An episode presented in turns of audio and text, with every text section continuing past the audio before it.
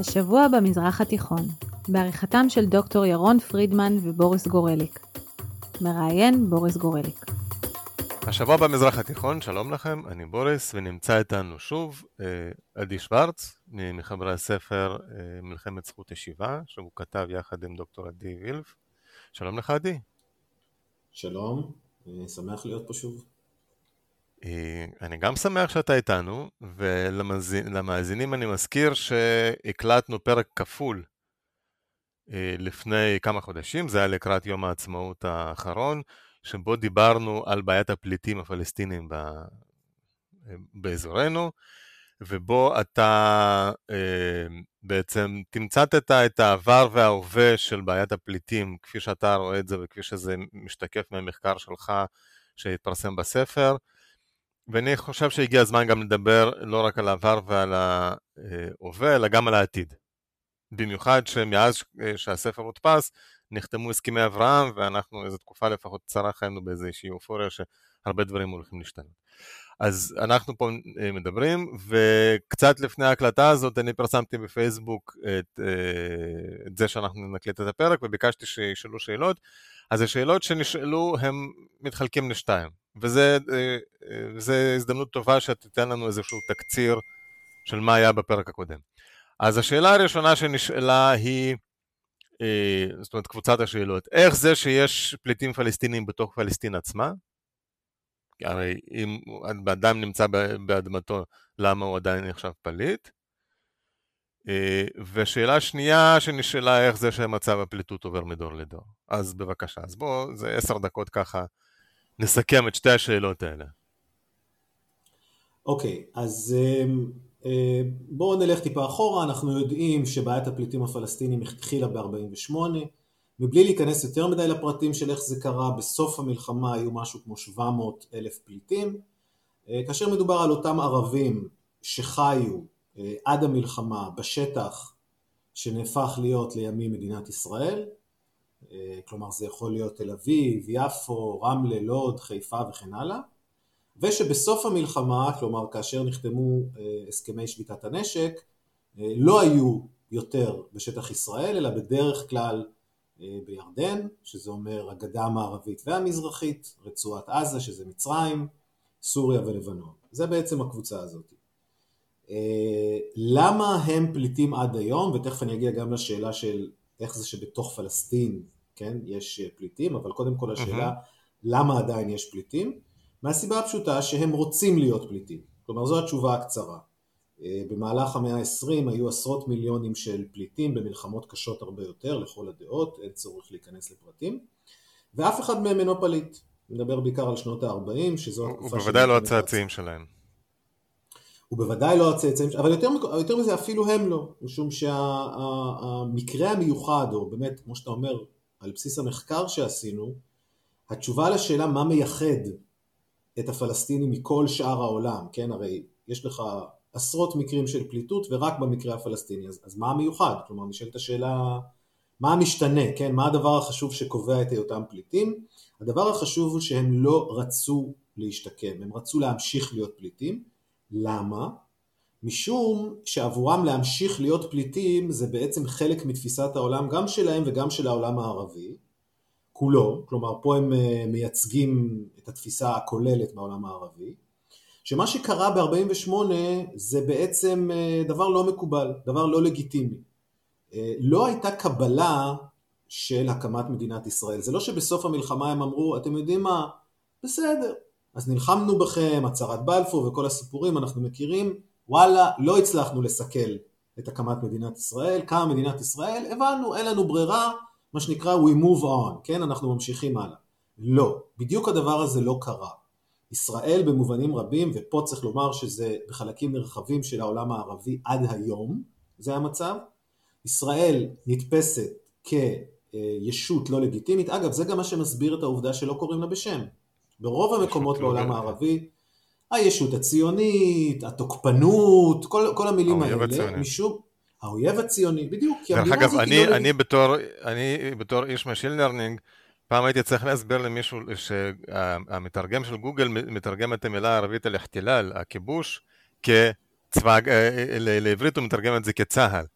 והייתי צריך להסביר כן. לבן אדם שזה לא פשוט, זה לא איזה מישהו יושב בגוגל והחליט לתרגם את זה ככה, אלא זה המונח לצה"ל בכל התקשורת הערבית שהיא לא ברובה. נכון, זה, זה באמת מה שמאפיין, וזה, זה, אה, כלומר דרך המילים אתה יכול לתפוס את התפיסת עולם, כן? אגב, הם אומרים את זה בכל מקום, אה, כשמחמוד עבאס כותב מאמרים על זה שצריך אה, לתבוע את בריטניה על הצהרת בלפור, כן? כלומר, אתה מבין איפה אנחנו נמצאים, אנחנו לא בזה, אנחנו okay. אוקיי. בכלל מדברים על הרעיון. אוקיי, ולכן, וזה, כן. דרך אגב, וחשוב להדגיש שמה שאתה אומר זה לא איזושהי פרשנות ברמה של חבר'ה שיושבים בפיצוצייה, אלא אתה אתה מביא מקורות, אה, ממש מקורות ראשוניים של אנשים, ש... אה, הנציגים הרשמיים של, ה... של הפלסטינים שמביאים את, את מה שאתה אומר ממש ב... בריש גלי. עכשיו, דרך אגב, יש זה, עוד. כן. יש עוד הסבר שהציע פה אה, יובל קינג אצלנו בעמוד הפייסבוק, והוא טוען שמבחינת הפלסטינים, בגלל שהם חברה שבטית גם, וחמולה זה משהו חשוב, אז מה שהוא כותב זה מבחינת הפלסטינים המולדת היא הכפר, ובכל מקום, מקום אחר הם מרגישים זרים. וגם גורמים להם להרגיש זרים ולא שייכים, או כמו שאומרים בערבית, مش منا, לא משלנו. או אצלנו ביידיש אומרים נישט פון אונזערע. כן, זה נכון מאוד, וזה באמת, אה, יש, אה, יצא לפני כמה שנים ספר מרתק של אליעזר טאובר על דיר יאסין, שמנסה להסביר מה קרה שם בדיר יאסין, ואחת הסיבות להפסד של הכפר הזה של דיר יאסין זה שהוא עמד לבדו. דרך אגב, זה אחד ההסברים בכלל לתבוסה הערבית, בעוד שבן גוריון יכול היה להעביר כוחות מהגליל לנגב, כלומר הייתה תפיסה לאומית מאוד חזקה שאנחנו נלחמים בשביל אחינו. אז מה זה משנה אם אני נלחם באשדוד או בתל אביב או בחיפה, אני נלחם כחלק מהקולקטיב. בדיוק הדבר הזה לא היה אצל הערבים. ובבוקר הקרב בדיר יאסין הם שלחו שליחים לעין כרם למשל, שזה מאוד קרוב, זה שניים שלושה קילומטר. הם אמרו להם, תראו, אנחנו צריכים תגבורת, אנחנו הולכים להפסיד. אף אחד לא בא לעזור להם. כלומר, כל כפר נלחם לבדו. במצב כזה אתה כמעט, זה כמעט בלתי אפשרי, ברגע שהצד השני מסוגל להביא תגבורות מכל רחבי הארץ ואתה כל פעם נלחם כפר כפר, אתה תפסיד כפר כפר.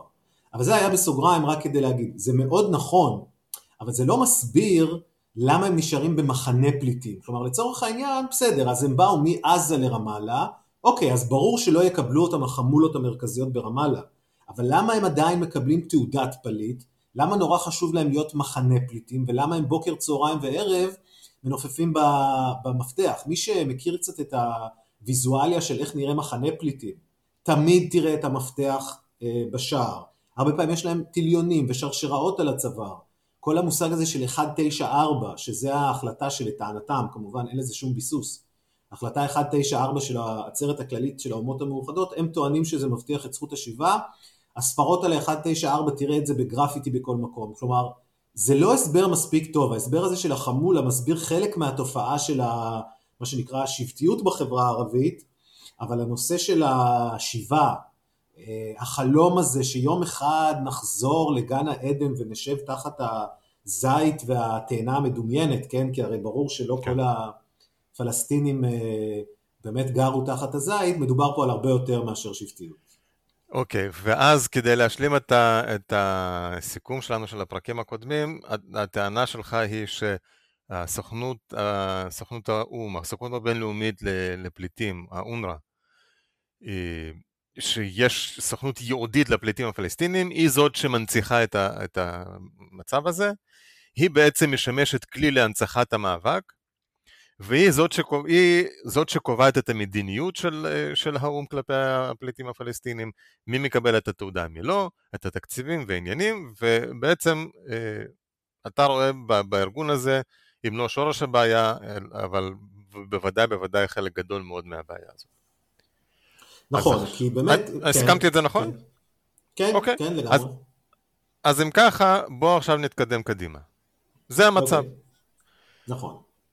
איך המצב הזה יכול להיפתר? בצורה שתשמור על מדינת ישראל כמדינה יהודית ודמוקרטית, אני לא רוצה, אני לא רוצה שיגרשו אותי חזרה למולדובה, כדי שתשמור אה, מצד אחד, מצד שני תשמור על ה... אה, לא יודע, אולי אפילו הגאווה הלאומית הערבית, ותפתור את הבעיה ההומניטרית שקיימת, אין, אי אפשר להת, להתכחש אליה. ואיך אנחנו מביאים את השלום למזרח התיכון, הייתי. בבקשה, ב-20 דקות אם אפשר. זה בקלי קלות. תראה, אז קודם כל צריך, צריך הניתוח הבסיסי של, ה, של המצב הוא בעצם אומר שנכון לרגע זה יש לנו התנגשות בין שני כוחות או בין שתי תפיסות שאי אפשר אה, מה שנקרא לשלב ביניהם או באנגלית to reconcile. בדיוק כמו שאמרת, התביעה הבסיסית ביותר של היהודים אה, בארץ ישראל היא אה, שתהיה להם מדינת לאום משלהם. על זה, זה המינימום שאני חושב יש הסכמה בוא נאמר של 95% מהאוכלוסייה היהודית כמו שאתה אומר, לא רוצים לחזור לא למולדובה ולא לבגדד ולא לשום מקום אחר. הבעיה היא שהתפיסה הפלסטינית בדיוק את זה שוללת. כלומר, איך שלא הופכים את זה, כל הרעיון של זכות השיבה, כל הרעיון של אה, חוסר לגיטימיות של מדינת ישראל, בעצם חותרת בדיוק תחת זה. כלומר, השאיפה הערבית היא לשים קץ למדינת ישראל כמדינת הלאום של העם היהודי. כל הוורסיות של זכות השיבה, מדינת כל אזרחיה וכל היופמיזמים האלה, הם בעצם בדיוק הדבר הזה. עכשיו, ובוא, לכאורה... בוא בסוגריים כן. רק נזכיר אה, שכמה ימים לפני שאנחנו מקליטים את, ה... את הפרק הזה, הייתה איזו סערה קטנה של מנסור עבאס שאמר שהוא מכיר בזה שדה פקטו מדינת ישראל היא מדינה יהודית, וכנראה שככה היא תישאר, אז יכול להיות שאנחנו כבר רואים איזשהו סדק בהכרה הזאת. נכון, אני חושב, אני חושב שהאמירה הזו היא בהחלט אמירה משמעותית בתוך החברה הערבית. אגב, זה לא פלא שהוא זכה, אם אתה עוקב אחרי מה שקרה בציבור הערבי, החל מהח"כים של המשותפת ועד, למה כל כך, הרבה אנשים אומרים, אה, נו, הם יודעים שאנחנו פה כדי להישאר. אם הם יודעים, כן? אז למה הם תקפו אותו כל כך? זה רק מילים, כן? לא, הם לא יודעים. כלומר, בתוך החברה הערבית, בעיקר אגב האמירה שהיא פה כדי להישאר, מילא ב-48, בסדר, 48 זה היה מזמן. אבל הוא אמר יותר מזה, הוא אמר, וככה היא תישאר. כאשר הוא... עכשיו, אני באופן אישי הייתי שמח לבחון את האמירה הזו על פני שנים. כלומר, אה, זו אמירה חשובה, הייתי רוצה שהיא תימשך ולראות להמשך, כן? זה, זה מה שחשוב. אה, אבל בואו נמשיך את העניין. אז לכאורה יכולנו לעצור כאן. היהודים מצד אחד רוצים דבר אחד, הערבים לא רוצים. בסדר, מה שנקרא... אה, נלך מכות, כן? זה פחות או יותר מה שאנחנו עושים עכשיו. השאלה היא, האם בכל זאת יש משהו שהיהודים יכולים לעשות? אנחנו כמובן לא נוותר, כלומר, תראה, את הסכסוך הזה אפשר לפתור באחת משתי דרכים. דרך אחת זה שהיהודים יוותרו, ויגידו, אתם יודעים מה? בעצם אה, כל הזמן הזה אנחנו סתם התעקשנו על משהו טיפשי, מוותרים לכם. אני לא חושב שזה כדאי. בדיוק. אני לא חושב שזה כדאי, ונראה לי שרוב הציבור היהודי לא איתי. האפשרות השנייה היחידה שיש, ואני לא מבין שום, אני לא מכיר שום אפשרות היחידה אחרת, זה שבתהליך הדרגתי הצד הערבי יבין ויקבל את העובדה שכל דבר אחר ייכשל. כלומר שהיהודים הם פה להישאר, באופן, אה, אם אתה רוצה, אידיאלי מבחינתי, הייתי שמח שזה יהיה לא סתם ככורח, אלא כהבנה שהיהודים הם בסופו של דבר עם ילידי, הם באים מכאן, יש להם זכויות, הם חלק מעמי האזור, הם עם שמי וכן הלאה, כלומר יהיה להם הרבה יותר קל לקבל את היהודים כבני בית, כמו לצורך העניין את המרונים והקופטים, הרי יש באזור הזה מיעוטים. אף אחד לא מתווכח שבאזור הזה של המזרח התיכון היו נוצרים ויהודים מימים ימימה. אני חושב שבנייה של... אה, אבל זה, זה אנחנו קצת הולכים יותר קדימה. בואו נלך על השלב הראשון של אה, לקבל את עובדת היותנו. עכשיו שוב, פה אני אומר, ולי מאוד חשוב אם אתה מסתכל על זה אפילו מבחינה מדעית, לנסות להבין כל הזמן מה מייחד את המקרה שלנו. הרי בכל המקומות בעולם, זה שאדם נאלץ לעזוב את הבית שלו, ברור שהתגובה הראשונה שלו, אני רוצה לחזור. ברור לי שכאשר נגמרה מלחמת העצמאות ב-49, והבחורצ'יק הזה שגר בלוד, מצא את עצמו בסוף ברמאללה, בדירה שהוא לא מכיר, באקלים שהוא לא מכיר וכן הלאה וכן הלאה. ברור שהוא מבואס, ברור שהוא רוצה לחזור. בזה הפלסטינים לא שונים בשום דבר מאשר החברים שלהם ההודים והפקיסטנים והאוקראינים והפולנים והגרמנים. כל פליט בעולם, לא כל פליט, אבל הרבה מאוד פליטים, השאיפה הראשונה שלהם זה לחזור הביתה. זה לא המיוחד. מה המיוחד? ופה אנחנו מתחברים לאונר"א. השונה במקרה הפלסטיני היה התגובה של העולם. בכל סכסוך אחר בעולם, המסר מהקהילה הבינלאומית היה חד וברור ואמר להם חברים יקרים זה ממש מרגש אותנו ומעציב אותנו שאתם רוצים לחזור tough luck המלחמה נגמרה, אתם הולכים לבנות את החיים שלכם לא, מחדש במקום היה פה החדש. עוד משהו שהוא לא היה חסר, שהיה חסר תקדים בכל העולם, זה שפתאום יש עם שהיה מפוזר בכל העולם, והוא מחליט שהוא רוצה לחזור למולדתו ההיסטורית. בסדר, אבל העם זה הזה גם כבר לא היה כל. כך אהוד על ידי אה, העולם, כן? לא, בסדר, אבל זה old news. ב-48 הוקמה המדינה. מה שאתה מתאר זה נכון, תשמע, אני לא חושב שאנחנו יכולים להיכנס לכל הנושא של יחס כן. העולם הנוצרי, אני בהחלט חושב שאתה צודק, שחלק מה... אתה יודע, זה דיון, עד כמה היה שם ריאל פוליטיק ועד כמה היה שם אולי גם דברים אחרים של העולם.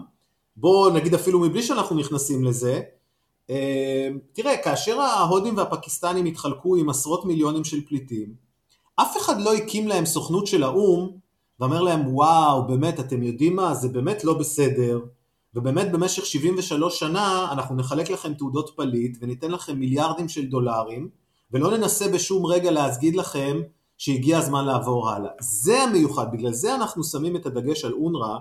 הרבה אנשים אומרים מה אתם מטפלים בסימפטום ולא בבעיה, כן? הרי מה אתם חושבים שאם נסגור את אונר"א מחר בבוקר הם לא ירצו לשוב? קודם כל אני רוצה שיהיה ברור שהתהליך שאנחנו מדברים עליו הוא תהליך של שנים וככל הנראה של עשרות שנים. כלומר אם היום בבוקר נסגור את אונר"א ונתחיל להעביר לפלסטינים את המסר שהם לא חוזרים לשום מקום, יכול להיות שבעוד 20 שנה נצליח להביא לפתרון. למה? כי צריך דור חדש, צריך דור חדש שלא יחונך על ידי העולם, שוב אני שם פה את הדגש על העולם, זה שהפלסטינים ימשיכו ללמד את הילדים שלהם, אין לי ספק. אף אימא פלסטינית, עם כל הכבוד, לא תתרגש מזה שטראמפ סגר או לא סגר את אונר"א. אבל אני אתן לך דוגמה מה קרה בגרמניה, זה הדוגמה הקלאסית.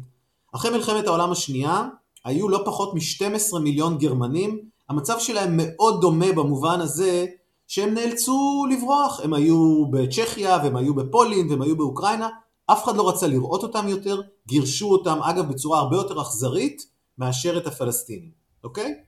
הם מצאו את עצמם פתאום במערב גרמניה, מקום שהם לא היו בו מעולם. זה לא, זה, אירופה הייתה יבשת שאנשים אה, אה, חיו בה בכל מיני אזורים. השאיפה הראשונה שלהם, בדיוק כמו הפלסטינים, הייתה לחזור הביתה. יותר מזה, יש בגרמנית מונח, היימקר, שמדבר, זה זכות השיבה, זה התרגום הגרמני של רצוננו לחזור. הם הקימו ארגונים, הם הקימו עיתונים, הייתה מפלגה, הם היו מאוד חזקים, מדובר על 12 מיליון, אתה מבין שזה גם כוח כן. פוליטי מאוד חזק. ולאט לאט, אתה מבין שאף אחד לא הקים להם סוכנות, והמאמץ הכי גדול של ההנהגה הפוליטית וההנהגה הכלכלית וכן הלאה של מערב גרמניה הייתה, חבר'ה, אנחנו מבינים, זה באמת באסה, אבל זה מה יש. אתם עכשיו גרים במערב גרמניה, זה מה יש. לצורך העניין המקבילה היא, אם אתה מדבר על לשמור על הגאווה, ככה התחלת את השיחה, נכון. הרי לצורך העניין הציעו להם יותר מפעם אחת, תקימו לעצמכם מדינה, נכון? גם קלינטון, וגם ברק, וגם אולמרט, וגם כל מי שאתה לא רוצה, אפילו טראמפ הציע להם בסופו של דבר להקים מדינה, ואם הם ירצו להכניס לתוכה פליטים או אנשים שהם יגדירו כפליטים, זה כבר עניין שלהם, שיעשו מה שהם רוצים. כמו שלמדינת לא, ישראל. I... כן. כן, היה עוד לפני זה צעד אחר שהוא מאוד דומה לכיוון שאתה מדבר עליו, זה שהמלך הירדני העניק אזרחות מלאה לכל הפלסטינים שהוא סיפח לשטחו. נכון, אבל זה בדיוק מראה ו... עד כמה זה לא היה לא עניין הומניטרי ולא עניין חוקי, כי הם מחזיקים גם באזרחות ירדנית, כלומר זה בטח לא הומניטרי, יש להם אזרחות, אבל הם גם ממשיכים לחשוב שיש להם זכות שיבה ומחזיקים בתעודה של האו"ם, כן? אוקיי, אז הפתרון בעולם. הפתרון שאתה, יש גם פליטים של הפליטים עם תעודת פליט שמחזיקים גם תעודת זהות ישראלית כחולה במחנה פליטים שועפאט. נכון, גם זה המקרה היחידי בעולם. הכוונה שרק הפלסטינים, בקיצור. דרך אגב, אתה יודע מבחינה חוקית תושב אה, שהוא לא אזרח, תושב אה, שועפאט עם תעודה כחולה, יכול לקנות דירה ברמלה אם הוא רוצה, או בנצרת, בהחלט, או בתל אביב? בהחלט, כן, בהחלט. אני... שזה אגב, שים לב את הדבר המעניין, שים לב, הוא בעצם מגשים את זכות השיבה, נכון? הרי הוא יכול לקחת כסף כן. ולקנות דירה בלוד, והוא עדיין ימשיך לפי אונר"א להיות פליט. אפילו אם יגור ממש באותו בית. כן, משום שהם בעצם מאוד מאוד uh, תומכים בנרטיב הכללי, זה בדיוק מה שאני מנסה לומר, שזה חלק מהנרטיב של שיבה, שמשמעותו בעצם הרס ישראל. אוקיי, okay, אז בסדר, אז בוא נחזור שוב לתוכניות אה, אופרטיביות. או זה. אז, אז צעד ראשון שאתה אומר, בואו נפסיק, ממילא האונר"א הוא לא ארגון לגמרי של האו"ם, לא האו"ם מתקצב אותו למדינות תורמות, אז, ובעיקר זה מדינות המערב, אז צעד אחד אתה אומר, בואו נפסיק את, ה, את המימון, זה בוודאי יגרום לאיזשהו משבר הומניטרי קשה, כי המון אה, המון פליטים פלסטינים מועסקים בארגון הזה, אז פתאום, אה, לא יודע, תהיה אבטלה כאן. אה, אבל זה צעד אחד. אבל... רגע, אני רוצה לדייק לא את זה. הצעד... אה, אוקיי. רגע, אני רוצה, לדייק, אני רוצה לדייק את זה, כי זה לא בדיוק מה שאנחנו מציעים. אנחנו מציעים בפועל לעשות משהו קצת יותר מתוחכם, וזה להגיד דבר כזה, תראו, וזה כמובן בעיקר ארצות הברית, האיחוד האירופי, אלה המדינות התורמות הגדולות לאונר"א, ולהגיד להם, תראו, מה שאתם עושים כרגע הוא counterproductive. הוא בטח לא תומך במדיניות שלכם, הרי אתם, אין לכם מדיניות רשמית של לחסל את ישראל, נכון? וגם אם אתם רוצים לקדם שתי מדינות, הרי לקדם את הנושא של זכות השיבה והנצחת הפליטים זה גם לא באינטרס שלכם. בואו נעשה דבר כזה. אתם נורא דואגים, כמו שאתה אומר, שתהיה אבטלה ולא יהיה כסף, בסדר. תמשיכו להעביר כסף. אין לי בעיה. תמשיכו להעביר כסף, לא יהיה אבטלה, לא יהיה שום דבר, אבל לא דרך אונר"א. כלומר, לצורך העניין, אה, אתה יודע, יש היום בשטחים, אני מדבר עכשיו על רמאללה, שכם, ג'נין, חברון, יש הרי מערכת חינוך של הרשות הפלסטינית, נכון? יש בתי ספר של הרשות הפלסטינית, ויש לצידם עוד מערכת חינוך של אונר"א. למה צריך את הכפילות mm-hmm. הזאת? מה שאנחנו מציעים, ארצות הברית, הרי זה מדובר על ללחוץ על כפתור במקלדת, נכון? במקום שיעשו אה, הוראת בנק, ממשלת ארצות הברית מעבירה כסף לאונר"א, שממשלת ארצות הברית תעביר את אותו 100 מיליון או 200 מיליון דולר ל, לרשות הפלסטינית, למשרד החינוך של הרשות הפלסטינית. שים לב, הבניינים קיימים, הכיתות קיימות, המורות קיימות, הילדים קיימים, הם יקומו בבוקר, ילכו בדיוק לאותו מקום, רק שעל הגג של הבניין לא יהיה כתוב בית ספר אונר"א על שם לא יודע מי, אלא בטח בית ספר של הרשות הפלסטינית על שם איזה טרוריסט, אוקיי? אז בסדר, זה אנחנו לא נשנה. האפקטיבלי, מה שנקרא, לא יהיה שום שינוי, ככה שלא יסתובבו ילדים ברחוב, אותו דבר לגבי הקליניקות. אתה לא, לא יהיה לך שום בעיה הומניטרית. הבעיה, מה שאני חוסך פה, מה שאני פותר, זה נותן את המסר הפוליטי. זהו, אתם לא פליטים יותר, אתם לא מקבלים יותר תעודות פליט, אין יותר את השטות הזאת שכל תינוק שנולד עכשיו בעזה הוא אוטומטית פליט. אתם רוצים להמשיך להעביר שירותים הומניטריים, כמו שאתה קורא לזה, לנהל welfare state, מדינת רווחה על חשבון שוודיה, אבל אולי זה, זה, זה, יכול להיות שזה יעבוד בתוך הרשות הפלסטינית. מה עם לבנון שמאוד חרדה ל... לה... להרכב הדמוגרפי ומי יכול להצביע, ואתה יודע, כל החוקה הלבנונית, החוקה הדתית שם עומדת על קרי תרנגולת. אז okay, אוקיי, הפתרון שאתה לגבי... מציע אומר, 아... בוא תאזרח את כל הפלסטינים שחיים שם, ופתאום לא, לא, לא, עכשיו... לא, ממש לא, ממש לא. לא, לא, ממש לא. אנחנו גם בספר מציעים מה שנקרא Taylor made uh, solutions לכל אזור בנפרד. יש אזורים, כמו שאתה יודע, לבנון, סוריה, ירדן, uh, הגדה המערבית ועזה, לכל אזור יש את המאפיינים שלו, תכף אני אגיד משהו על הקלות בגדה המערבית, כן? אבל באמת לגבי לבנון וסוריה, שאגב המספרים שם זה כנראה סדר גודל של 300 אלף, לגבי, ביחד, לגבי לבנון וסוריה, מה שאנחנו מציעים זה להעביר את הטיפול בפליטים ל-UNHCR, זה United Nations High Commissioner for Refugees, זה מי שמטפל בפליטים בכל העולם, אין שום צורך לאזרח אותם בלבנון, אתה צודק שלבנון לעולם לא תסכים לאזרח אותם, ואגב, ככל הנראה די בצדק, בגלל הבעייתיות העדתית, אבל הם יטופלו בדיוק כמו כל פליטים במקום אחר בעולם. אפשר למצוא להם אה, אה, אה, פתרון במדינות שלישיות, קנדה, אוסטרליה, המספרים נהיים קטנים, שים לב, כאשר חלק אולי לבנון תסכים, חלק מדינות אחרות, המספרים הם לא כל כך גדולים. בלבנון וסוריה. אנחנו חושבים שצריך להעביר את זה ל-UNHCR, אה, ו-UNHCR תאמין לי ברגע שזה יגיע אליהם, מכיוון שיש להם כל כך הרבה פליטים בעולם לטפל בהם, הם לא יוכלו לתת את העדפה המתקנת או את האפליה החיובית לפליטים הפלסטינים. עכשיו לגבי אה, אה, השטחים, כן, או בוא נגיד הגדה המערבית, אני לא חושב שזה יעבור בשקט. אתה אומר שזה יעבור בשקט, זה לא יעבור בשקט. כי כולם יודעים... אתה אמרת להקליט על מקלדת. מהצד האמריקאי, אני אומר, כן, שזה אוקיי. יחשוף את העובדה שמדובר בפוליטיקה, זה לא עניין הומניטרי. אני יכול להגיד לך שאנחנו עקבנו אחרי כל מה שקרה כשטראמפ הפסיק את ה... כשטראמפ הפסיק את המימון, כל המאמרים שכתבו הפלסטינים זה לא אוי ואבוי לא יהיה כסף לבתי ספר, אלא זה אוי ואבוי לוקחים לנו את זכות השיבה. צריך להבין שאש"ף יעמוד על הרגליים האחוריות שלו ולא יסכים בשום פנים ואופן לשתף פעולה עם, ה, עם, ה, עם מה שהצעתי. אבל צריך לאפשר את זה, כלומר המערב צריך להגיד חד וחלק לפלסטינים, תקשיבו חברים, אתם רוצים מאיתנו סיוע? סבבה. אתם רוצים מה שנקרא capacity building, אתם רוצים שנעזור לכם לאינפרסטרקצ'ר שלכם, לתשתיות, חינוך, בריאות, הכל טוב. אבל לא על חשבון הרס מדינת ישראל, כלומר, זה בדיוק התהליך שאני רוצה שיתחיל. עכשיו אנחנו בדיוק שמנו את הנקודה על מה השלב הבא שצריך לעשות.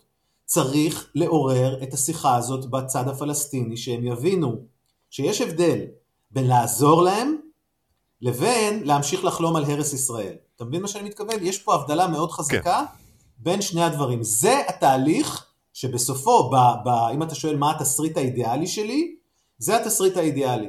שמתחיל להיווצר תנועה בתוך העם הפלסטיני, שמתחיל לשאול את עצמו, רגע, תקשיבו, אנחנו משלמים מחיר. עד היום הם לא משלמים מחיר. הם גם מחזיקים את החזון הטוטלי הזה של הרס מדינת ישראל, וכמו שאתה אומר, ממשיכים לגור ברחובות על שם לוד וחיפה וכן הלאה, גם ממשיכים לקבל כסף ונהנים מכל העולמות.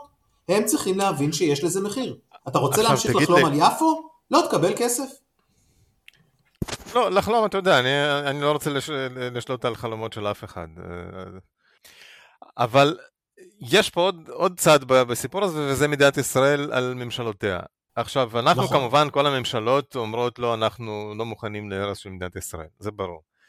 אבל אה, זה נראה ככה, לפחות מקריאת בספר שלך, שאף ממשלה לא באמת אה, רצתה להתעמת עם הגוף הזה של אונר"א. נכון. וגם עכשיו, אה, זה לא נראה שזה הולך לכיוון הזה, הם מדברים על אה, דיאלוג, כן פרטנר, לא פרטנר, אה, שיתוף פעולה כלכלי. אף פעם לא שמעתי אף אחד מהפוליטיקאים מדבר על אונר"א, ובסוגריים אני אזכיר שעינת וילף, השותפה שלך לספר ולמחקר, היא גם אפילו הייתה חברת כנסת, אז התחום הזה לא זר, לה, לא זר נכון. לכם. נכון, אז תראה, מה שצריך לומר פה קודם, תראה, מדי פעם יש, גם נתניהו מדי פעם דיבר, גם גלעד ארדן עכשיו באו"ם מנסה לעשות עם זה, יש מדי פעם כל מיני דברים, אבל הבעיה המרכזית במדינת ישראל, וזו ביקורת מאוד קשה שיש לי על ישראל, היא שרוב מדיניות החוץ שלנו, ובכלל האסטרטגיה המדינית, אם, אם יש כזאת של ישראל, היא בדרך כלל מאוד מאוד מושפעת משיקולים צבאיים. כלומר, כל היחס לאונר"א בדרך כלל אה, מנוהל והחשיבה עליו הוא אה, בא מנקודת המבט של הצבא. הצבא אומר דבר כזה, תראו, אונר"א קונה לי שקט. כמו שאתה אמרת, הילדים בבית ספר מחלקים אורז, מחלקים קמח, מעולה. אני רוצה שקט, שזה חשיבה של מח"ט, ואגב אני אומר את זה לא במובן של זלזול, כלומר אני מבין שיש עניינים טקטיים, שיקולים שהצבא, אה, ברור שאתה יודע, אה, כן, חוסר שקט זה יותר עבודה לצבא, אני מבין את זה. זה בטוח. השאלה, השאלה אם בשלב מסוים לא צריך להסתכל מעל השיקולים של היום יום, כי יש גם אה, לא רק מח"ט, אלא יש גם אה, אה, דרג אזרחי, שצריך להסתכל קצת קדימה ולהבין מה קורה כאן. הטענה שלנו היא שאנחנו אולי, אגב אולי, תכף אני אגיד למה אני, אני גם חושב שזה לא נכון, אנחנו כאילו כל פעם קונים שקט לטווח הקצר, נכון? ובזה אנחנו מנציחים את הסכסוך, או לפחות מסייעים להנצחת הסכסוך לטווח הארוך.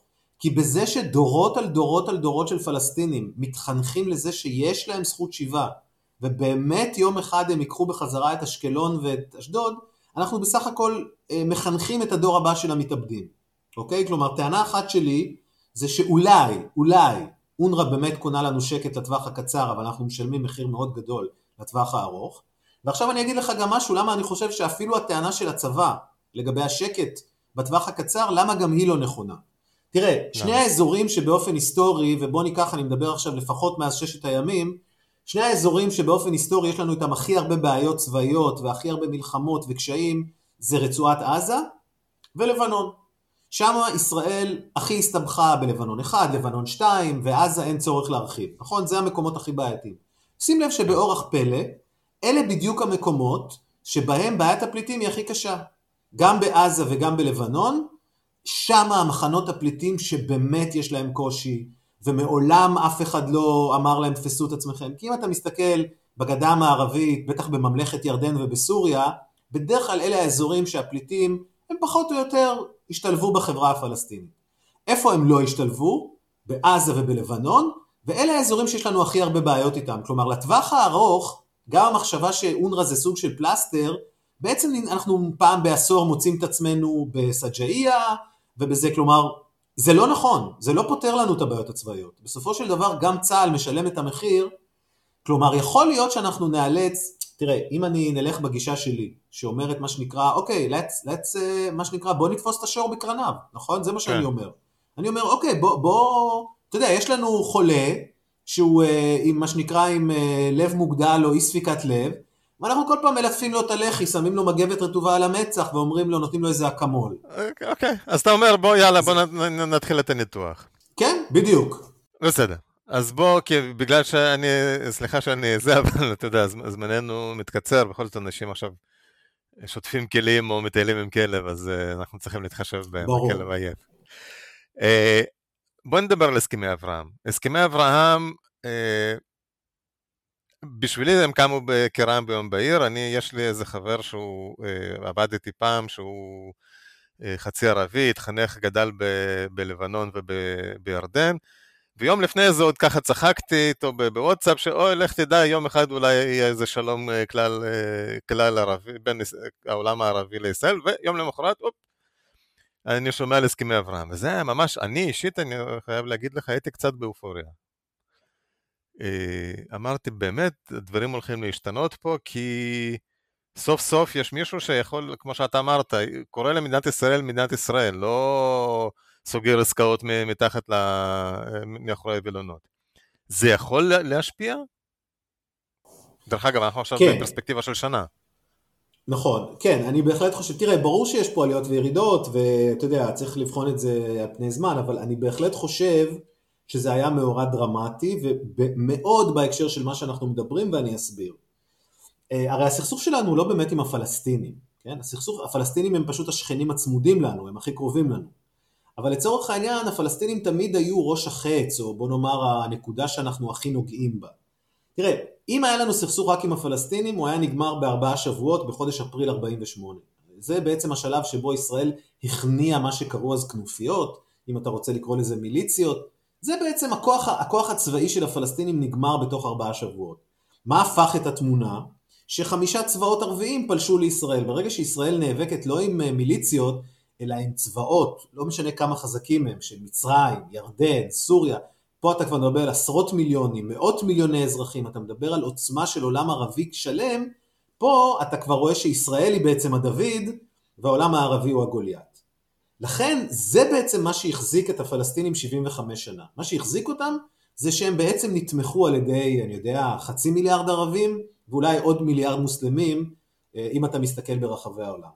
ברגע שהתמיכה הזו נשמטת מתחת רגליהם, ברגע שיותר ויותר מדינות, עכשיו זה נכון שזה התחיל קצת עם מצרים וירדן, וכמובן מצרים זה אולי המדינה הערבית הכי חשובה או בין החשובות, אבל אנחנו יודעים שהשלום שהיה לנו עם מצרים וירדן הוא היה שלום מאוד מהוסס עד היום, הוא שלום מאוד, אה, אפשר אפילו לומר זה מין הסכם אי לוחמה או שביתת נשק מורחבת, נכון? זה לא באמת, נכון. אין תיירים, אין כלכלה, אין נורמליזציה במובן המלא, אבל אם אנחנו נתחיל לראות עכשיו יותר ויותר מדינות, אה, אה, כמו שאתה אומר, המפרציות, אולי סעודיה, מרוקו, סודאן, זה בעצם הסוף של הסכסוך. כאשר הפלסטינים יישארו לבד בעצם והם יבינו, רגע, אנחנו האחרונים פה? מה, מה הכוח שלנו בדיוק? עם מי אנחנו, כשהם יסתובבו אחורה והם יראו שכל החבר'ה כבר עזבו את התחנה, אני חושב שהתביעות שלהם, גם לגבי שיבה, גם לגבי ירושלים, גם לגבי כל אותן בעיות שנראות עכשיו כבלתי פתירות, תראה, זה הכל, ביחסים בינלאומיים זה הכל עניין של כמה כוח אתה יכול לגייס. כל עוד אתה מאוד חזק, אז אתה יכול לדפוק על השולחן.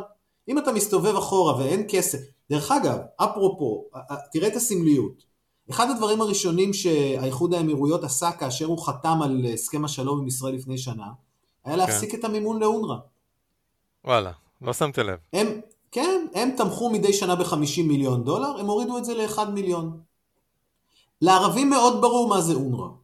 הם יודעים טוב מאוד, אי אפשר להיות חבר של היהודים וגם ביד השנייה לתת כסף לסוכנות שמנסה לחסל אותם. הם לא, הם, הם מבינים את כל הפוילשטיקים של הפלסטינים, הם לא, זה לא כמו האירופאים, שאתה יודע, מספרים להם טוב, סיפורים. אבל עכשיו האמירויות גם. מתקרב- אה, מתקרב- אה, מתקרבות, נכון? לאיראן. יש איזה שם תראה, איזה ברור, דיבור. תראה, ברור שהמשחק פה הוא מאוד מורכב, כן. והפוליטיקה והיחסים הבינלאומיים בעולם הערבי זה, אתה יודע, מאוד בזאר, כן?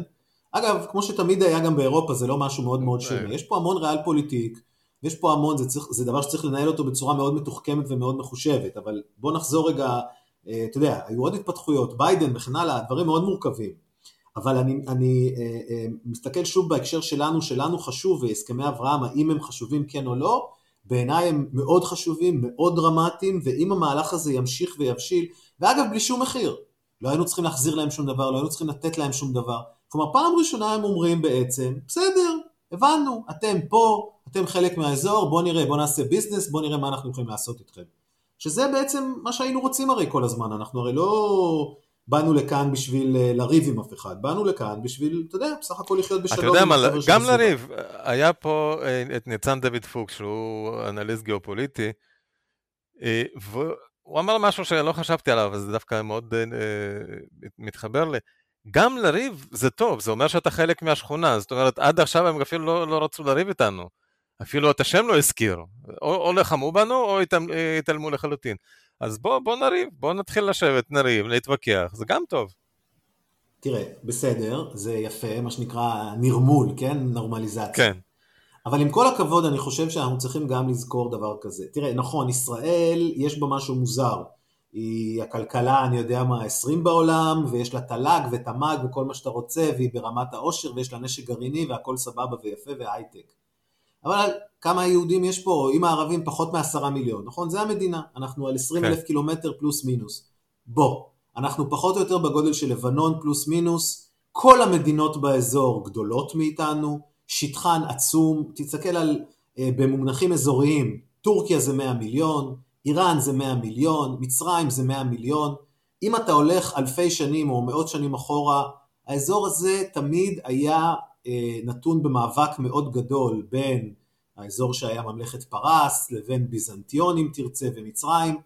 ארץ ישראל אף פעם לא ניהלה, כן, גם, גם בתקופת החשמונאים וגם בתקופות אחרות, היא הייתה, בוא, אם אתה שואל אותי, אם נדע להסתדר, מבלי שיאכלו אותנו, דיינו. אנחנו לא שחקן כל כך, אה, כלומר, אנחנו צריכים להיות מאוד מתוחכמים. אגב, בן גוריון הבין את זה, הוא הבין שאין לנו מה לעשות עם בזמנו, לא היה מה לעשות עם הסביבה הקרובה, אז הוא ניסה את ברית הפריפריה, כן? טורקיה, כן. פרס, איכשהו לנסות לעשות איזה בלנס. אני מציע לישראל לא לחשוב לרגע שהיא יכולה להיות הגמונית אה, ממש במזרח התיכון, כי אנחנו די קטנים.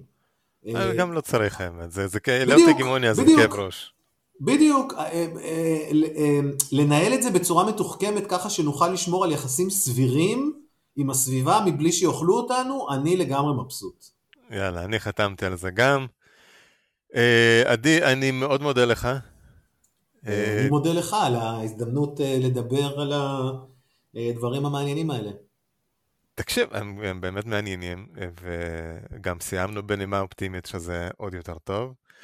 אני מזכיר לכולם שבאמת יש את הספר, הוא זמין גם באלקטרוני וגם בעותק פיזי. אה, קראתי אותו, ספר באמת מעניין, אה, מאוד מפורט. אה, אני גם מזכיר למאזינים שב-31 במאי בחיפה הולך להיות יום של החוג ללימודי המזרח התיכון והאסלאם של אוניברסיטת חיפה. מושב שלם של הכנס הזה יוקדש להסכת הצנוע שלנו ולניוזלטר המפואר של ירון פרידמן, שלשניהם יש את אותו, אותה כותרת השבוע במזרח התיכון. זו הזדמנות שלכם לבוא, גם לשמוע וגם לדבר איתנו. אני גם מזכיר למאזינים להירשם להסכת בכל יישומני הסכתים באשר הם, יש לנו גם עמוד פייסבוק במזרח התיכון, ומה אני אגיד לכם, שיהיה לנו יום מקסים, שבוע טוב וחיים ממש ממש טובים. ביי ביי. הירשמו להסכת באפל מיוזיק, ספוטיפיי וכל אפליקציית פודקאסטים שאתם אוהבים. כדאי ומומלץ להירשם לרשימת התפוצה השבועית של דוקטור פרידמן, בה הוא סוקר את חדשות השבוע במזרח התיכון. חפשו השבוע במזרח התיכון בפייסבוק. נשתמע בשבוע הבא.